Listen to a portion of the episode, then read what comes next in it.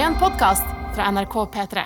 Wes Anderson er tilbake med nok en fargesprakende filmfest. Konspirasjonene hagler i den nye Netflix-komedien Inside Job. Og det norske oljeeventyret har blitt et mareritt i ny katastrofefilm.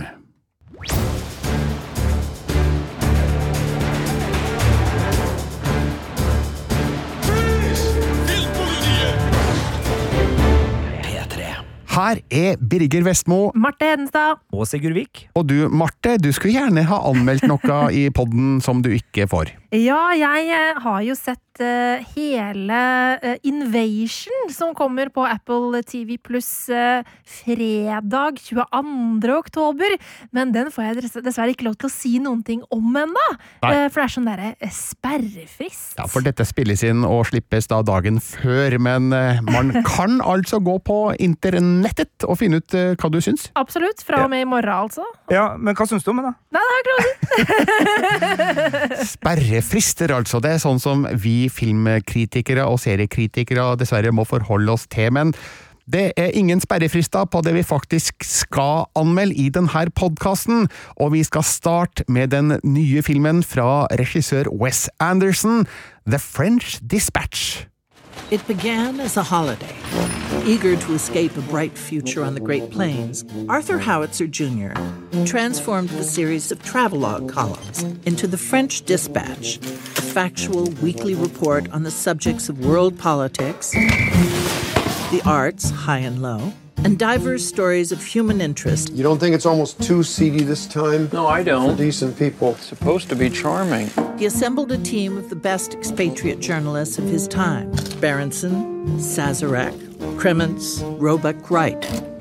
These were his people. Just try to make it sound like you wrote it that way on purpose. Jeg kjenner jeg blir glad bare av å høre det her lydklippet, bare for å liksom få Bill Murray inn i begge ørekanalene. Det er, det er godt, for han er selvfølgelig med i The French Dispatch.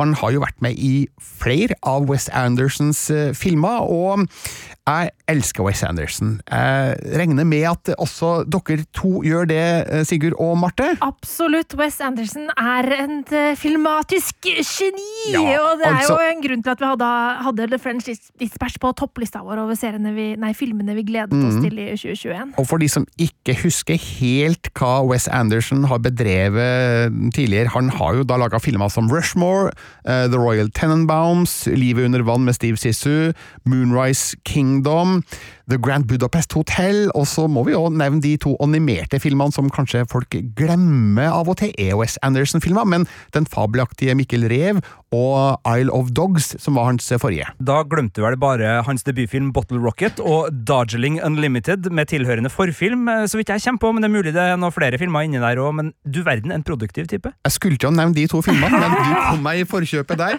Unnskyld, eh, men jeg har jo skjønt da at eh, for enkelte er Wes Anderson en en smakssak, en, en, acquired taste, som det heter. For vi har jo å gjøre med en ganske spesiell filmskaper, med sitt finurlige, særegne filmspråk og litt spesielle måter å fortelle historier på. Altså, jeg syns at det er fornøyelig fra start til slutt, og eh, som, som, jeg sa, jeg blir jo glad bare jeg hører lydklippet fra den filmen her. Jeg blir glad for hver film han eh, presterer, for sjøl om det kanskje ikke nødvendigvis er utrolig tunge, svære, viktige, vesentlige historier som fortelles, så syns jeg det er enormt underholdende å befinne meg i hans rikholdige univers i et par timer, sånn cirka annethvert år. Ja, jeg tenker, altså Hvis man snakker om form og innhold, så er jo Wes Anderson i alle fasetter, både fra soundtrack, fra uh, oppstilling av scener, fra estetikk til historiefortelling, en form fullendt filmskaper som virkelig dyrker det. Og jeg merka jo når jeg så Jeg skal ikke foregripe begivenhetenes gang her, men da jeg så The Fringe Dispatch, som vi nå skal snakke om, så tenkte jeg det her er en medielærers drøm. Altså Det å kunne ha med seg den filmen her foran en klasse og snakke om historiefortelling, om liksom hvordan man strukturerer ting, om hvordan film lages. Mm. Altså Det er så faglig sterkt og fantasirikt. For du har også sett den? Jeg har også sett den. Nei, men, hva, hva? Ja, uh, jeg, uh, ok, Birger uh, har allerede Har nå dere to vært på pressevisning sammen uten meg? altså Nei, vi så den i hver vår by, faktisk. Ja, sånn rent ja, for du så den i Oslo. Din Ja. lille snik! Ja, ja. Altså, det er jo sånn i Filmpolitiet at vi har arbeidsoppgaver, og det er rett og slett ikke tid til at vi kan feire på alle pressevisningene, for da får ikke vi anmeldt alt vi skal av serier og film. Så det er en uskreven regel som jeg nå har uh, brutt, og Birger har allerede uh, stilt spørsmålet, og hva var det du sa på kontoret tidligere i dag? Jeg sa, og- ja, hva sa jeg? Jeg sa Å, har du brukt to timer på å se en film eh, som du egentlig kunne ha brukt arbeidstid du egentlig kunne ha brukt på å anmelde noe annet? Ja. Svaret er et, et litt beskjemma ja, men samtidig Det er en sånn begivenhet Ja. for meg når Wes Anderson Akkurat som det er med Tarantino, og som det er med en del andre filmskapere. Altså Når det kommer en Wes Anderson-film, så, så, og, og den her har vi venta lenge på, som du Mm. straks skal fortelle oss uh, hvorfor, Birger. Og da, da klarer ikke jeg å holde meg. Så jeg, un, unnskyld, men, men jeg måtte se den. Ja, men det er tilgivelig så det synger, fordi jeg skjønner jo at man gjerne vil se Wes Andersons nye film, som vi har venta lenge på, fordi den skulle jo egentlig hatt verdenspremiere under filmfestivalen i Cannes i 2020, og så ble jo da det avlyst, av grunner de fleste kanskje husker. Eh, Den ble utsatt til årets kampfestival i stedet for. Eh, Ett og et halvt år tok det altså fra den egentlig skulle vises første gang, til den endelig kom, og eh, vel, når den kom, så viste den seg, for min del i hvert fall, å være definitivt verdt å vente på. Eh, Og for de som da husker The Grand Budapest Hotel, så er The French Dispatch på mange måter veldig lik i form og farge og innhold.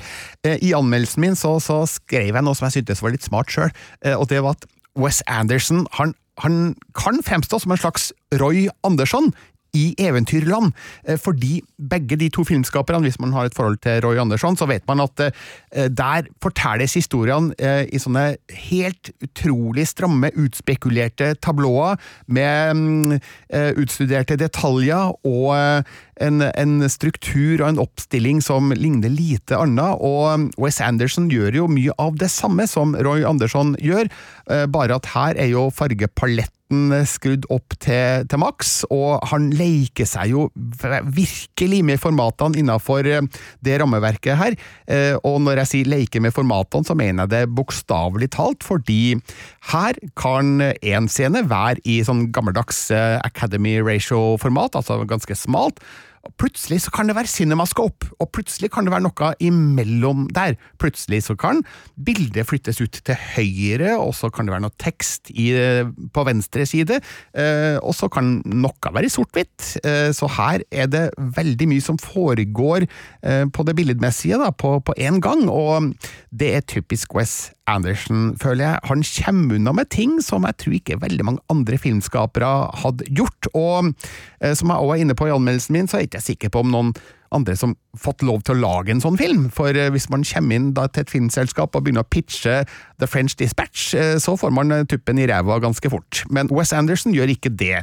For han er jo en, eh, en berømt eh, og respektert filmskaper, og det ser du jo bare på rollelista. Eh, Det er så mange storheter med her, sjøl i bitte små roller, at man forstår jo at det her er en filmskaper som skuespillerne elsker å jobbe sammen med.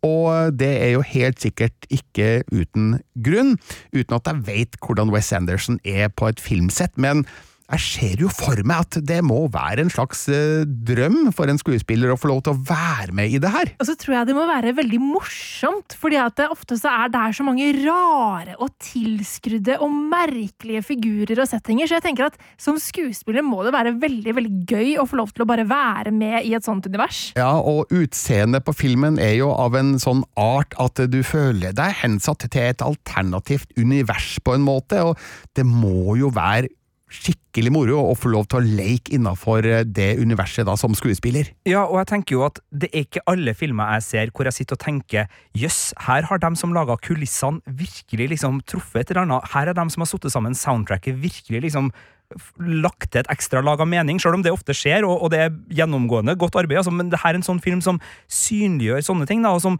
nettopp som du sa, altså Roy Andersson, som også er veldig glad i å bygge kulissene sine, sånn at han får det foran kamera akkurat presis sånn som han vil ha det, på millimeteren og i rette farger, til å fortelle sin historie, så er det jo altså det er en åpningssekvens i denne filmen som er en oppvisning i hvordan man kan bruke ei kulisse på utrolig raffinert og fornøyelig vis. Selv om eh, altså den, den sier jo mye om menneskene vi skal møte, og plassen det er, men altså sånn handlingsmessig så er det jo bare sabla artig. Men eh, ja, nei, det, det, er, det er fornøyelig. Og der må jeg bare spørre når du sier handlingsmessig, fordi eh, oss vanlige dødelige har jo ennå ikke sett denne filmen. Eh, men eh, det er jo en eh, slags journalistfilm, som jeg har forstått, Birger. The French Dispatch er en avis. Ja, det er navnet på en eh, publikasjon som da eh, har sitt utspring i eh, den fiktive franske byen eh, NUI. Som da sender rapporter hjem til moderavisa i Kansas i USA, eh, med rapporter da fra den store vide verden, og da først og fremst kanskje sett med et fransk blikk, da. Eh, Redaktøren for The French Dispatch er da eh, Arthur Howitzer jr., spilt av Bill Murray. Og han eh, har da et kobbel av eh, diverse journalister i sin eh, stab. Ganske fargerike, morsomme, rare, merkelige figurer, det også, selvfølgelig. Som da skriver saker vi får noen eksempler på i denne filmen. Altså, The French Dispatch er oppdelt i fem eh, hovedkapitler. Eh, det første kapitlet er dessverre da eh, tilegna redaktørens død, eh, som da eh, er trist, selvfølgelig, fordi Bill Murray vil vi jo skal leve til evig tid, men i hvert fall det er slik filmen velger å starte. Eh, kapittel to er vel mer eller mindre et reisebrev fra byen det her foregår i, altså NUI.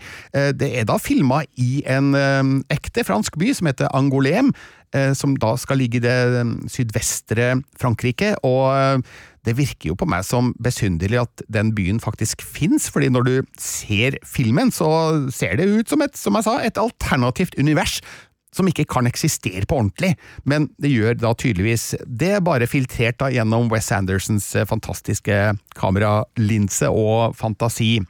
De tre siste kapitlene eh, handler da om tre eh, av journalistene som skriver på hver sin sak, og nå må jeg lese fra min egen anmeldelse for å huske nøyaktig hva det handler om. Vi har da JKL Berentsen, spilt av eh, en fantastisk Tilda Swinton, da for anledningen med en enorm parykk og fargerike klær og mye sminke. Hun ligner ikke seg sjøl i det hele tatt. Hun ligner Margaret Thatcher, bare tynn. Ja, faktisk. Eh, Men hun skriver da om en eh, kunstner som heter Moses Rosenthaler, spilt av Benicio del Toro. Han er da eh, fengsla for dobbeltdrap. Eh, han har en eh, fangevokter, spilt av Lea Seidou, og dem to har et ganske spesielt forhold til hverandre, eh, for eh, hun lar han male seg sjøl, så hun står jo da splitter naken, eh, store deler av filmens spilletid, egentlig, eh, og blir da portrettert i en ganske abstrakt form av eh, Moses eh, Rosenthaler. Og så er det da en eh, medinnsatt, spilt av Adrian Brody, som blir fascinert av det første portrettet. Og når han slipper ut, så ordner han da en kontrakt med Rosenthaler, som da er litt motvillig, men han sier seg vel enig til slutt i å selge dette maleriet, og så er det flere videre verdigheter utover her da, som eh, ja, jeg lo høyt og godt av eh, noe av den utviklinga i den historien, som da eh, skrives av JKL Berentsen. Hun forteller om denne historien da eh, i en slags konferansesetting, eh, eller hvordan skal vi beskrive det, Sigurd? Ja, jeg tror det er en eh, Det, det virker å være et, et foredrag i en litt sånn eh, også da eh, veldig sånn eh, pent dandert eh, forelesningssal, eh, hvor hun da med lysbilder, eh, stort sett av det som skal være på Lisbilde-showet, med noen eh, unntak. Ja. Eh, og vi skal ikke avsløre noe mer eh, her nå, eh, for nå har vi sagt eh, nok om den, men det, det er en sånn episode som selvfølgelig har ei historie som eh, både fenger fordi den er underholdende og spennende, så har du det der absurde ramma rundt, men han tar jo seg også tid, eh, og det, det er gjennomgående i flere av historiene. altså Wiss Wes Anderson tar seg tid til å liksom putte nok sånn spørsmål rundt moderne kunst og vår opplevelse av moderne kunst, og hva som skiller eh, moderne kunst som griper fra liksom bare ræl. Eh, Så, så han baker jo inn altså Det er jo ikke de store tankerekkene som, som presenteres i denne filmen, men både journalistikk, moderne kunst og flere liksom, av de tematikkene som dukker opp, får noen sånne spørsmål som kunne ha blitt stilt i en forelesningssal på universitetet. Ja, da jeg så filmen, jeg må innrømme at jeg, dette kunstverket som eh, Moses Rosenthaler da begår i, i starten av sin historie, jeg ble jo sittende og tenke på ja, kunne det her passert som eh, god kunst, eller er det noe ræl? Jeg veit ikke, men i hvert fall så kan jeg jo forstå at historien bak kunstverket kunne ha gjort det interessant da i, i kunstkjenneres eh, øyne, uten at jeg skal si mer om det. Men det her var bare den første historien da, som vi får servert eh, i disse tre journalistkapitlene. Eh, Det andre kapitlet, som, ja, det blir jo da kapittel fire i filmen, da, det handler om eh, Lucinda Clemens, spilt av Frances McDormand. Hun blir satt til å dekke et eh, ungdomsopprør som er på gang, eh, som da ligner ganske mye på det som skjedde i Frankrike i mai 1968. Eh, Hun bestemmer seg for å dekke dette opprøret gjennom en av de unge revolusjonære, Sefirelli, spilt av Timothy Chalamet. Og vi kan vel si så mye at eh, eh, Lucinda Clemens blir en slags del av den saken hun er satt til å dekke. Ja, Men mer skal ikke vi si. Nei, mer skal Nei, vi kanskje skal vi ikke ikke si. si. Men, men der igjen, journalistikk. Er den nøytral? Kan den være nøytral? Eller eh, Ja, ikke sant? Ikke, ikke nødvendigvis. Den siste historien eh, omhandler Roebuck Wright, spilt av Jeffrey Jeffrey Wright. Han eh, skal, da, han, han skal skrive en matsak, og det har seg slik at eh, politisjefen i byen har en spesielt god kokk. Ja, for det skal jo en politisjef i en by ha, ikke sant? Eh, Løytnant Nescafier, spilt av Steven eh, Park. og han skal vise seg å bli sentral i en lokal kidnappingssak, og så skal vi kanskje ikke si mer om det. Nei, jeg tror ikke vi Men du verden. Jeg elsker å Den- høre på den- dette. Jeg gleder meg til å se. Det er spesielt den historien og måten formgrep blandes på el helt nydelig vis. Eh, altså, og det, det sier jo litt om rikdommen. Altså, her spiller William Defoe en minirolle. Altså, han er foran kamera kanskje tre-fire ganger, men det er luksusen Wes Anderson som filmskaper virkelig. Ja, altså eh, Foruten de eh, hovedrollene jeg har nevnt, så er det jo flere eh, av eh, ganske store, kjente fjes som er med i sånne bitte små roller her. Eh, hvem hadde du nevnt nå, sa du? Eh, William Defoe. Ja, det var William Defoe, ja. Eh, Christoph Waltz er med i noen sekunder. Elizabeth Moss har en statistrolle, omtrent. Eh, Owen Wilson, eh, Matthew Amalrik, eh, Sosha Ronan, Liev Schreiber, Edvard Norton. Eh, det er bare utrolig eh, hva man er villig til å gjøre av småtteri for å få lov til å være med i en Wes Anderson-film. Ja, jeg hadde sjøl takka ja, tror jeg. Men i hvert fall så er de med på å krydre det her eh, merkelige, snurrige universet da, som Wes Anderson kreerer. og det at han har greid å finne på de her rare historiene, det er jo nesten det mest imponerende av alt. Og det er kanskje ingen sterk rød tråd mellom dem, men jeg føler jo da at det her er Wes Andersons hyllest til den gamle journalistikken, eh, fra sånn cirka midten av forrige århundre kanskje, litt opp i 60- og delvis opp i 70-åra, eh, da ulike mediepublikasjoner hadde tid og råd og mulighet til å la journalister grave i månedsvis for én en eneste sak. Og det er det jo veldig få som har lenger. Den typen journalistikk har jo dessverre mer eller mindre forsvunnet. Det finnes nok noen fremdeles som, som gjør det, men eh, det tilhører nok dessverre fortida når det gjelder de aller fleste avis- og blad- og magasinutgivelser. Jeg har lest at Wes Anderson skal ha blitt inspirert av annet mye han har lest i The New Yorker, eh, og at noen av historiene i filmen faktisk er basert på noe han har lest der, uten at jeg tør helt si hvilke, for det høres jo helt spinnvilt ut alt her, egentlig. Men eh, det, er nok en hyllest til den typen journalistikk som eh, Wes Anderson vokste opp med, og som han, og sikkert mange andre, savner da fra dagens mediebilde. Og ja, vi er jo journalister, øh, og vi som er journalister, vi elsker jo å se journalister på film. Så det blir jo ikke bedre enn det her. Nei, det er en, en gave, og, og jeg tenker jo litt sånn øh, Altså, jeg begynte å tenke på Almost Famous-filmen, øh, som ikke har så veldig mange likheter med Wes Anderson-film, men det er sånn reporter følger band på turné. Eh, også en sånn type reportasjer man ikke liksom blir bedt om å gjøre på morgensmøter i NRK nødvendigvis lenger. Men nå har man jo dokumentarfilmen har jo tatt over den type journalistikk, og det er jo det.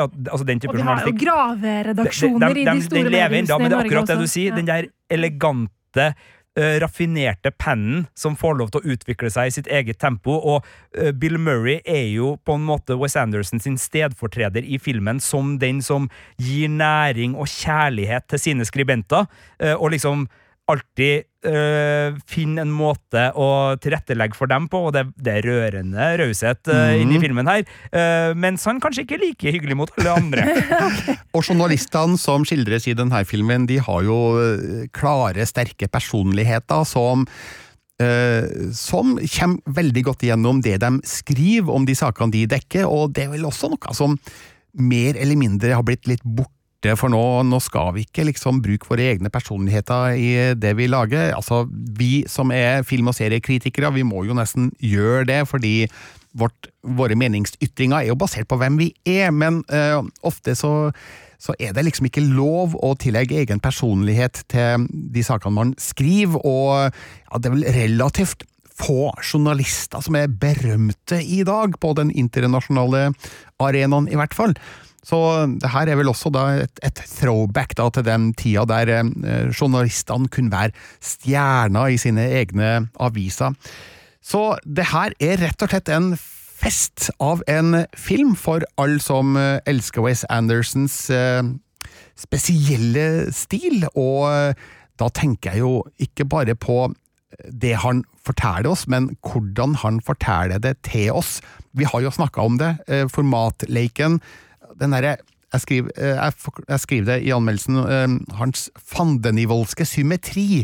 For gud bedre, jeg lurer på om han har eh, en eller annen diagnose som gjør at det, det må være symmetri i bildene. Og det at det er bevegelighet i symmetrien, gjør det jo så ekstra fascinerende. Altså, det er jo flåklypa på speed, en del av disse samlebåndsoppleggene han lager. Og Ja. vet du hva, Birger? Mm. Det der skal jeg skrive på en lapp. Eh, Fandenivoldsk symmetri. Du, du er en liten sånn eh, ordkunstner à la Wes? Nei, fin, ikke, ikke i samme klasse som Wes Anderson på langt nær, men akkurat den var jeg litt fornøyd med. Ja, Så jeg tror at det, det var noe sant i akkurat det, det uttrykket.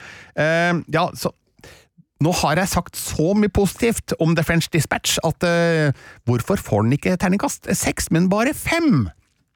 Og det, det kan du lure på. Jeg, jeg tror da vi, vi kommer til det her med at Eh, ja, det er utrolig morsomt og festlig og, eh, og, og interessant, men eh, hvor vesentlig er historien egentlig? Og det er vel kanskje der det skorter, da, for du sitter jo ikke igjen med med, med noe som har merka deg i, sjela for lang tid framover. Det er en veldig hyggelig film, eh, men eh, det er vel ikke en du går og grunner veldig på i dagene etter at du har sett den. Nei, og så er det jo noe med, med West Wes Andersons katalog, og hvis jeg for eksempel da skulle ha sammenligna med hans film fra 2001, The Royal Tenenbaums, så er jo både historia der og inntrykkene der, altså den har scener som kan få meg til å begynne å nesten gråte når jeg bare tenker tilbake på dem nå. Ja. Altså, det er noen scener i den filmen som er så sterk, og uh, The French Dispatch er jo ikke en sånn film, for den har ikke den store historien og de rollefigurene du blir så engasjert i at du liksom virkelig kjenner filmen på kroppen på den måten. Så Wes Anderson har jo gjort det litt vanskelig for seg sjøl ved å lage så gode filmer at uh, for å nå opp til terningkast seks, så må han nesten tangere Royal Tenenbounds Ja. øh, i, i kvalitet, og det, Og- det er jo ikke lett. Nei, og det, det gjør han ikke her. Jeg vil bare avslutte med å sitere meg sjøl fra den der berømte anmeldelsen som ligger ute på P3 og Filmpolitiet. For der skriver jeg da at um, han gjentar kanskje seg sjøl, men når man har en så tydelig, annerledes og særegen filmatisk røst, så ville det vært en skam å ikke bruke den. Og da tenker jeg vel mest på det at uh, The French Dispatch ligner jo veldig på The Grand Budapest Hotel spesielt. Uh, så ja, man kan jo kanskje si at Wes Anderson hadde hatt godt av å fornye seg litt, men uh, det er jo helt greit at den ikke gjør det òg, når resultatet er så bra da som det har blitt i The French Dispatch.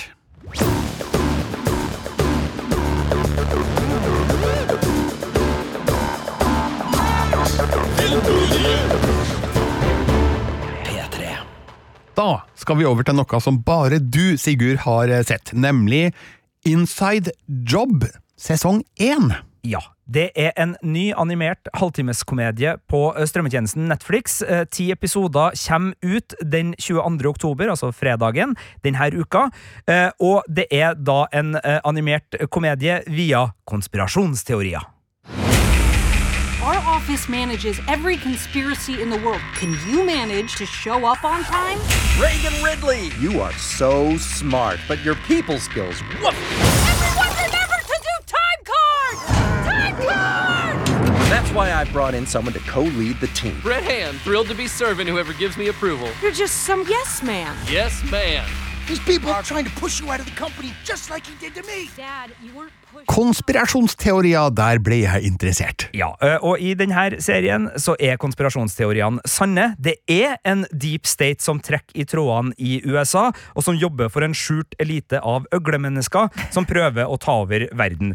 Så her går man da inn i kjernen av en del både gamle og nyere konspirasjonsteorier om makteliten i USA, påstår at de er sann, og vi følger da en slags arbeidsplasskomedie hvor byrået som er satt til å drive Deep State på vegne av disse uh, øgle... Som stort sett er kjendiser, forresten. Uh, Taylor Swift og, og masse Ja.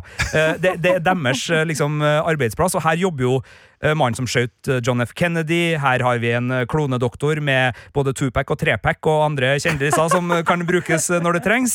Eh, Og det er da vår hovedperson, eh, Reagan Ridley, som vi hørte her, som er en genial forsker med dårlige people skills, da, som er liksom lederen for et av de sentrale teamene, eh, og som da både får eh, ganske drøye oppdrag, eh, alt fra liksom Flat Earth-terrorister som krever å få se enden av jorda, eh, og som tar gisler for å få dratt i bruk det, til liksom bånd-superskurker som bor i vulkaner og truer verdensfreden. Og det er da hennes team av en delfinklona oberst av beste 80-tallsfilmsort, som eh, eh, er militæreksperten, til en litt sånn der Kardashian, tidligere Kardashian-ansatt PR-ekspert som kan fikse alt av eh, PR-kriser, og Yes-Man, som vi hørte her, som har fått jobben fordi han er en Yes-Man. Så, så relativt populærkulturelt uh, trygg grunn, da. Så det du sier, er at det her er jo faktisk en dokumentar. Ja, det er helt, helt riktig. Neida, det er, altså, har du sett mye South Park, Archer, Futurama og Rick and Morty, så er det jo Dessverre vil jeg si ingenting som overrasker veldig her, for det er en type satire og en type humor og en type skråblikk på virkeligheten, stappa full av populærkulturelle referanser, som er veldig jeg skal ikke si oppbrukt, men som brukes veldig jevnt i denne type animerte komiserier. da. Men da lurer jeg på, for det er ikke dette en serie som nettopp er laga for de eh, som liker den serie, de seriene du nevner her? Jo, jeg tror Netflix har ønska påfyll mer enn på en måte en serie som skal sprenge grenser. Og det som er litt trist, og det skriver jeg også i anmeldelsen min på p3.no, jeg liker at vi nå har etablert at det er dit vi, vi, vi leser Altså, så leser jeg høyt fra teksten. Uh, nei da. Uh, men altså, samfunnsbrodden suser stort sett inn allerede vidåpne, vidåpne dører, og det hele er pakka inn i så mange metalag at serien framstår mer opptatt av å være smart enn å være vesentlig. Vesentlig også ordet for dagens podkast som vi hører her. Eh, Det er synd, for vi kunne ha trengt en serie med frisk satire, skarpt blikk og dristig fjas, som evna å smadre noen glasstak for å gi reell innsikt i mekanismene bak de politiske konspirasjonsteorienes vekst og vesen. Eh, Behovet er ikke like presserende for nok en halvtimes som kombinerer arbeidsplassens klassiske konflikter med eh, drapsroboter og familieproblemer. Men det er da sistnevnte inside job er, og der er jeg litt skuffa, sjøl om serien er god på det den ønsker, så skulle jeg ha gjerne hatt en serie som evna å gå dypere inn i materien enn å bare si at QAnon og Flat Earthere er teit. Men som jeg forstår deg, så raljerer den over konspirasjonsteorier som faktisk eh, eksisterer? Altså, har alle de som blir presentert i serien grobunn i virkeligheten, tror du? Altså, eh, ikke i at de er sanne, men at noen tror på dem? Ja, altså, øh, det er blant annet en by her da, som er fanga i 80-tallet, hvor de forgifter be befolkninga øh, jevnlig for å selge restelager av produkter de aldri fikk solgt ut på 80-tallet. Eh, jeg vet ikke om den teorien liksom eksisterer overalt, men det er jo en av de mer friske variantene. Altså, jo, men Eh, altså, det er jo en slags vri på uh, sånn derre farmasøytgreier hvor dere, dere blir holdt syke for at uh, Ja. liksom legemiddelindustrien skal selge medisiner. Og så, i god Netflix-ånd, så har de selvfølgelig gjort den episoden om til en ET slash 80-talls vennskapskomedieparodi, uh, som er utslitt. Altså, ET-parodier Ja. er Altså, de er ferdig. Sorry, liksom. Du skal være god hvis du skal lage en god Ja, og da lurer jeg òg på, liksom, eh, nok en gang, hvem på en måte som er målgruppen for serien. Ja. For da er, da er det jo Det er ikke liksom eh, 20-åringer som er målgruppen. Det er for denne 40 det er 40-50-åringer som har vokst opp med Simpsons og Ja, South Park. Uh. Eh, det er dem som er kjernemålgruppe her. Og Bond-skurk-episoden er også sånn Kom igjen, da. Skurk i vulkan, arr i ansiktet, også en helt sånn grei uh, satire. Altså, så de episodene er sånn at jeg blir litt oppgitt. Men bunnivået, for det her er bunnivået, er også helt greit å spise pizza til. Du, blir, du kjeder ikke deg sånn grusomt. Og så er det noen episoder som er gode. Uh, som er frisk, og som liksom føles mer relevant. Så jeg har endt opp på en firer på terningen på Inside Job, og den er litt sånn uh, av og til sterk og, og av og til svak, og, og den er nedpå treeren eh, i enkelte episoder. Men, men den er liksom sånn Det er ti kjappe halvtimesepisoder. Det er jo fem timer, og det er jo klart, altså Netflix vil jo at vi skal bli sittende og se på, i stedet for å faktisk finne ut hva som virkelig foregår. så, så den er jo litt sånn her avkobling, avkobling, avkobling. Uh, og så skal du flire av konspirasjonsteoriene i stedet for å, å undersøke dem. Men jeg kan si at uh, måneepisoden, uh, hvor Buzz Aldrin spiller en sentral rolle, den er god. Det høres lovende ut, i hvert fall. Kan jeg se bare den episoden? Det kan du. Ja. Og vet du hva? Det anbefaler jeg faktisk. Neida, eh, se første episoden, og så kan du håndplukke litt. Men, men det er en del altså, Den er best som arbeidsplasskomedie. da For Her er det en del sånn typiske konflikter og new public management og en del sånne greier som, som er interessant. Og både Jeff Bezos og Oprah Winfrey får passene sine påskrevet. Så, så er relativt aktuell. Og det her slippes da på Netflix eh, i morgen når det her spilles inn, altså fredag 22. oktober. Og hvor mange episoder var det, sa du? Det var ti episoder, og dem har jeg sett eh, alle sammen, så her er det bare å forberede seg på gråviser, eh, kroppsvæsker og litt politikk.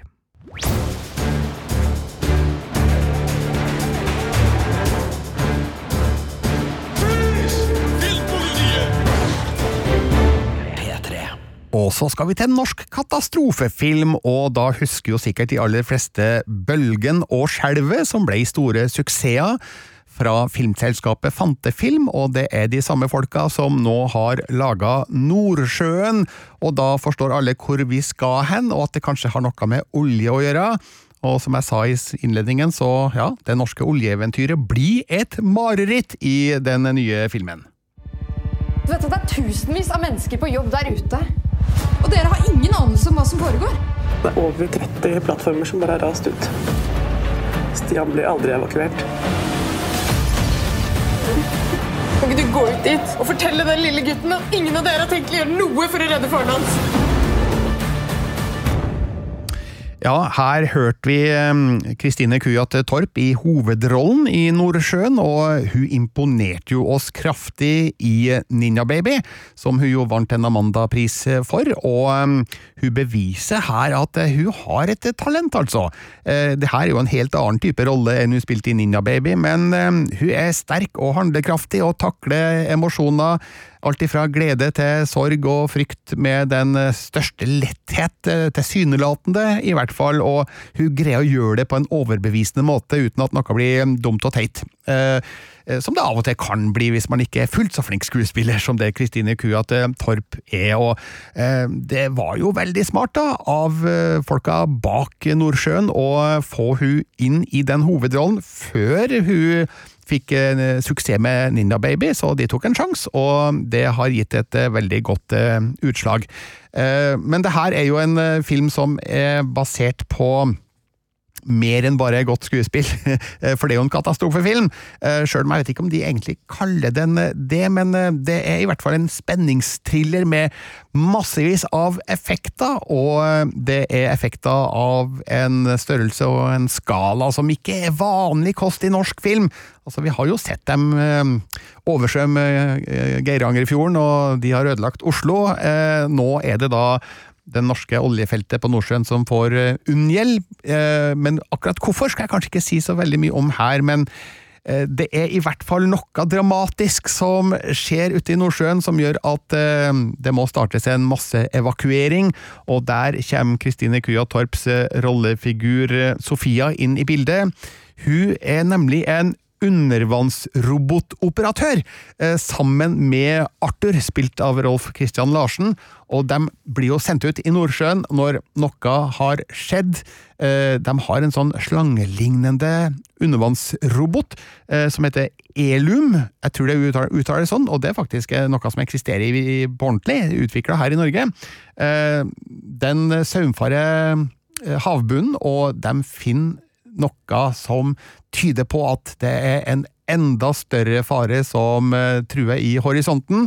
Eh, de melder fra om det her til eh, Jeg har kalt den oljeselskapets operasjonsleder. Eh, litt usikker på hvilken funksjon han egentlig har, sånn rent formelt, da, men i hvert fall William Lee, spilt av Bjørn Floberg, som, som skildres som en sånn dreven veteran i oljemiljøet helt fra tidlig 1970-tall.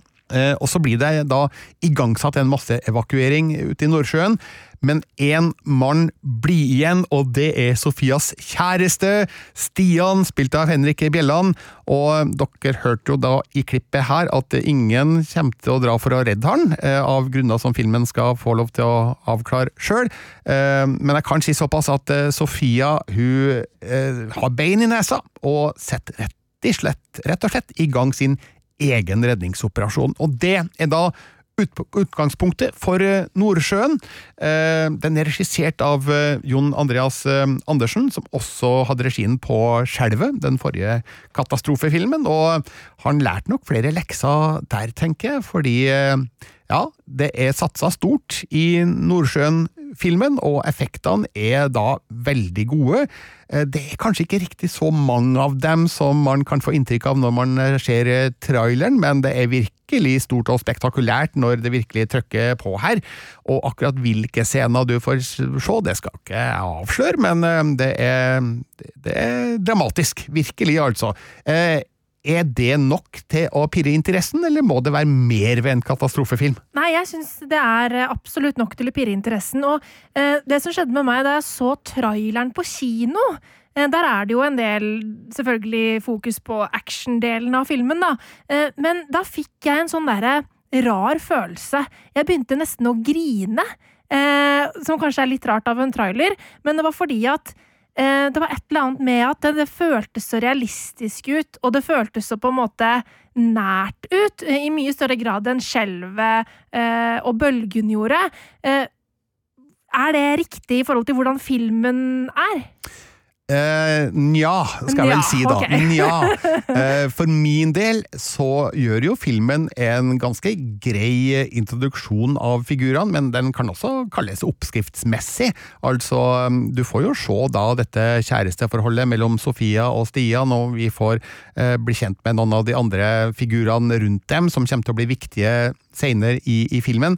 Men jeg føler vel også at det er litt sånn business as usual, da, for når eh, den store effektdramatikken tar til, så, så legges personkarakteristikkene litt sånn til side, da. Da stoler filmskaperne på at uh, vi har et, et, solid nok grunnlag da, til å bry oss om figurene mm. seinere i, i, filmen, men det er en del ting som skjer i introduksjonen av dem, som blir liksom lagt vekk, da, og som jeg savner en konklusjon på, eller en videreføring av utover i filmen.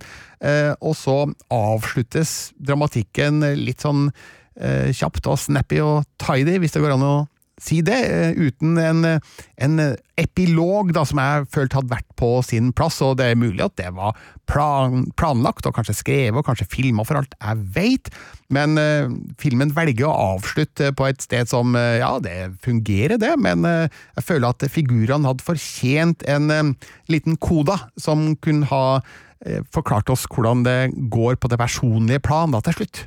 Men det der er jo fascinerende, for du vil jo finne et kinopublikum som uh, don't bore us, get to the chorus, altså som vil ha refrenget, som vil ha eksplosjonene, som vil ha det tøffe og det som trykker, og, og er fornøyd med det. Og så har du andre som vil ha mer, og, og de beste katastrofefilmene og de beste actionfilmene evner jo å både bygge relasjoner i forkant, altså så, ta noe Will Smith i Independence Day om du vil, altså sånn at man bryr seg om dem og liksom heier på dem på den måten, og, og at det er liksom små scener der som, som uh, gjør at man husker relasjonene veldig godt, for at de scenene er akkurat så sterk og så viktig og vesentlig at de, de blir med oss. Vesentlig mm. igjen der, folkens, for ja. dere som holder tellinga. Uh, men så har du andre varianter, og da vil jeg trekke inn en, en litt sånn helsprø variant. Men altså Familien Mitchell mot maskinene, som er en relativt fersk Netflix-animert uh, uh, komediefilm som du ga terningkast seks tidligere i år, Birger. Der er det mer litt sånn, er nesten sånn Rosebud-aktig, altså fra Orson Wells' Citizen Kane, hvor det er så sterke emosjonelle ting som skjer med rollefigurene, at man sitter liksom og, og gråter når det får payoff utover Mm. i filmen. Og eh, det virker jo på meg som at Nordsjøen da legger seg et sted imellom, at de både vil gi liksom eh, tut og kjøre-action eh, til dem som vil ha det, men at de vil ha liksom mm, litt sånn emosjonell staffasje, sånn at uh, alle liksom henger med, men at de ikke liksom går i noen av ytterkantene og enten liksom lager Mad Max Fury Road full gun på, eller en film som kommer til å virkelig feste seg i hjertene våre. Før jeg kommenterer det, eh, betyr det at du nå har sett familien Mitchell mot Det, maskinene? det gjør det. Jeg elsker Ja. han. Elsker han. Jeg har jo mast på deg hele Ja, år! ja, ja, elsker han. Er Det ikke var den fantastisk? Snikskryting, egentlig. Ikke for, ikke for, det blir en digresjon, men sett meg inn Hæ? Hvilken film er det? Familien Mitchell mot maskinene ble sluppet på Netflix tidlig i år. Ikke sett! Den Ta- Ikke åpenbart terningkast seks av Birger. Utrolig animasjonsfilm om en eh, familie som må unnslippe en robotapokalypse. Dette må jeg jo se. Ja, det de er må du virkelig se. Okay. Eh, Men eh, tilbake til det du egentlig snakka om. Altså, Nordsjøen den gir oss litt staffasje på figurene. Den gir dem akkurat nok kjøtt på beinet til at vi skal bry oss om dem, men ikke så mye mer enn det.